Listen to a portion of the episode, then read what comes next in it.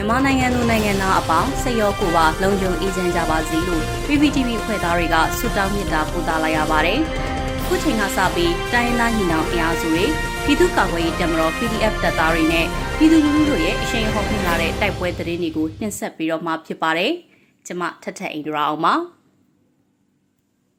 ပထမအဆုံးအနေနဲ့ရွှေဘိုမြို့တွင်အင်စည်းကားတွေနဲ့လှည့်လည်နေတဲ့စစ်ကောင်စီတပ်ဖွဲ့မိုင်းခွဲတိုက်ခိုက်ခံရတဲ့တဲ့တင်ကိုတင်ဆက်ပေးပါမယ်။ စကိုင်းတိုင်းရွှေဘိုမြို့မှာယမန်နေ့ဇွန်လ24ရက်ညပိုင်းမှာအင်စည်းကားတွေနဲ့လှည့်လည်နေတဲ့စစ်ကောင်စီတပ်ဖွဲ့တွေကိုဒေသကာကွယ်ရေးမဟာမိတ်တပ်ဖွဲ့တွေကမိုင်းခွဲတိုက်ခိုက်ရာကားတစ်စီးထိမှန်ပြီးတော့စစ်ကောင်စီတပ်ဖွဲ့ဝင်ထိခိုက်ဒေဆုံးမှုရှိနိုင်ကြောင်း Blood Wolf PDF ဖွဲ့ထံကနေသိရပါဗျ။ မနေ့ကည9:30မိနစ်မှာအင်စီကားလေးစီးနဲ့လှည့်လည်နေတဲ့စစ်ကောင်စီရင်နံကို Bluffo PDF နဲ့ရွှေဘိုခရိုင်တပ်ရင်းကတက်ခွဲတစ်တူကမိုင်းခွဲတိုက်ခိုက်ရာကားတစ်စီးထိမှန်ပြီးတော့စစ်ကောင်စီတပ်ဖွဲ့ဝင်တေဆုံးထိခိုက်မှုရှိနိုင်ကြောင်းနဲ့ကာဝေးတပ်ဖွဲ့များအထိခိုက်မရှိစုခွာနိုင်ခဲ့ကြောင်းသတင်းရရှိပါရယ်။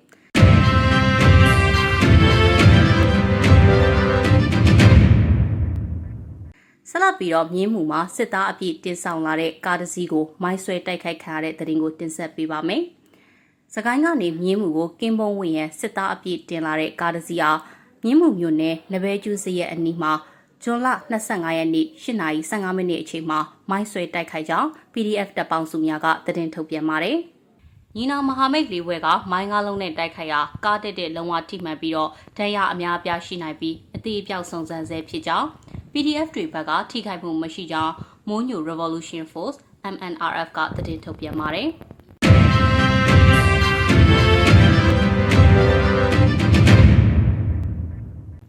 ကျိုက်ထိုအင်္ဂဘိုကြီးရွာအနီးစစ်ကောင်စီရင်တဲ့မိုင်းခွဲပစ်ခတ်ခံရပြီးစစ်ကားနှစ်စီးထိမှန်ပျက်စီးတဲ့တဲ့တင်ကိုဆက်လက်တင်ဆက်ပေးပါမယ်။ မွန်ပြည်နယ်ကြိုက်ထုံမြို့နယ်အင်္ဂဘိုကြီးရွာနီးအကြမ်းဖက်စစ်ကောင်စီစစ်ကား၄စီးရင်နံကို KNL ပူးပေါင်းတပ်ဖွဲ့ကမိုင်းခွဲပစ်ခတ်တိုက်ခိုက်ရာစစ်ကားနှစ်စီးထိမှန်ပြီးတော့ဒဘယ်ကပ်ပွိုင်ကားတစ်စီးတိမ်းမှောက်သွားကြောင်းကြိုက်ထူတော်လှန်ရေးအင်အားစုကသတင်းထုတ်ပြန်ပါတယ်။ဒဘယ်ကပ်နှစ်စီးနဲ့စစ်ကားကြီးနှစ်စီးကိုရှေ့ပွိုင်နောက်ပွိုင်ယူကဝေါ်မြို့ဘက်ကထွက်ခါလာတဲ့စစ်ကောင်စီရင်နံကိုယနေ့ဇွန်လ25ရက်မနက်9:40မိနစ်အချိန်မှာ KNL ပူးပေါင်းတပ်ဖွဲ့ကပြစ်ခတ်တိုက်ခိုက်ခဲ့တာဖြစ်ပါတယ်။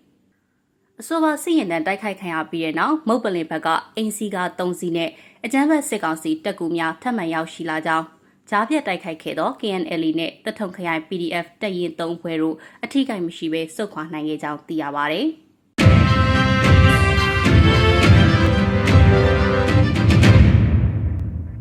နောက်ဆုံးအနေနဲ့အမျိုးသားညီညွတ်ရေးအစိုးရပြည်ထရေးနဲ့လူဝင်မှုကြီးကြပ်ရေးဝန်ကြီးဌာနက 2022ခုနှစ်ဇွန်လ25ရက်ရက်စွဲနဲ့ထုတ်ပြန်တဲ့ပြည်သူ့ခုခံတော်လှန်စစ်တတိအချက်လက်တွေကိုတင်ဆက်ပေးသွားမှာပါ။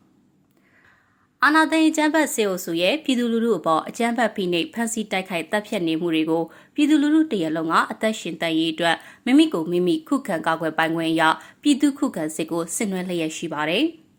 တရင်ချက်လက်တွေအရ24ရက်6လ2022တောက်ကြနေ့မှာစစ်ကောင်စီတပ်ဖွဲ့ဝင်63ဦးသေဆုံးပြီးတော့ထိခိုက်ဒဏ်ရာရရှိသူ16ဦးအထိခုခံတိုက်ခိုက်နိုင်ခဲ့ပါတယ်။ဆရာနာရှင်စနစ်မြမမျိုးပေါ်ကအပိတိုင်ချုပ်ငင်းရေးနဲ့ Federal Democracy စနစ်တိဆောက်ရေးအတွက်ငြိမ်းချမ်းစွာဆန္ဒပြတဲ့လူထုတပိတ်တိုက်ပွဲများကပြည်내နဲ့တိုင်းဒေသကြီးများမှာဖြစ်ပွားပေါ်ပေါက်လျက်ရှိပါတယ်။မြေပြင်မှာအခုတွေ့ရတဲ့သတင်းအချက်အလက်တွေထက်ပိုပြီးတော့ဖြစ်ပွားနိုင်ပါတယ်။